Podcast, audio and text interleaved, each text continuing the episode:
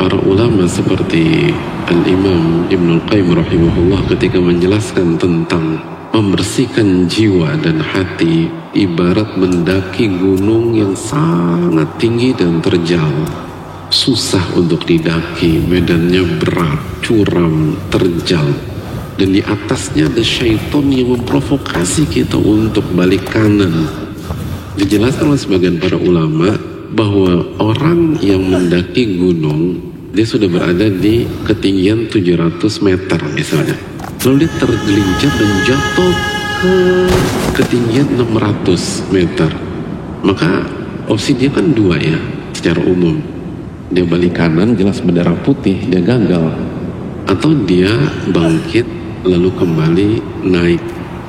Bisa saja dia naik lagi dari 600 ke 700 tapi kondisi akan jauh lebih berat.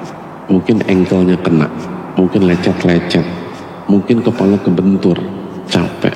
Karena sekali lagi kalau sudah terjatuh, berat untuk naik ke berikutnya.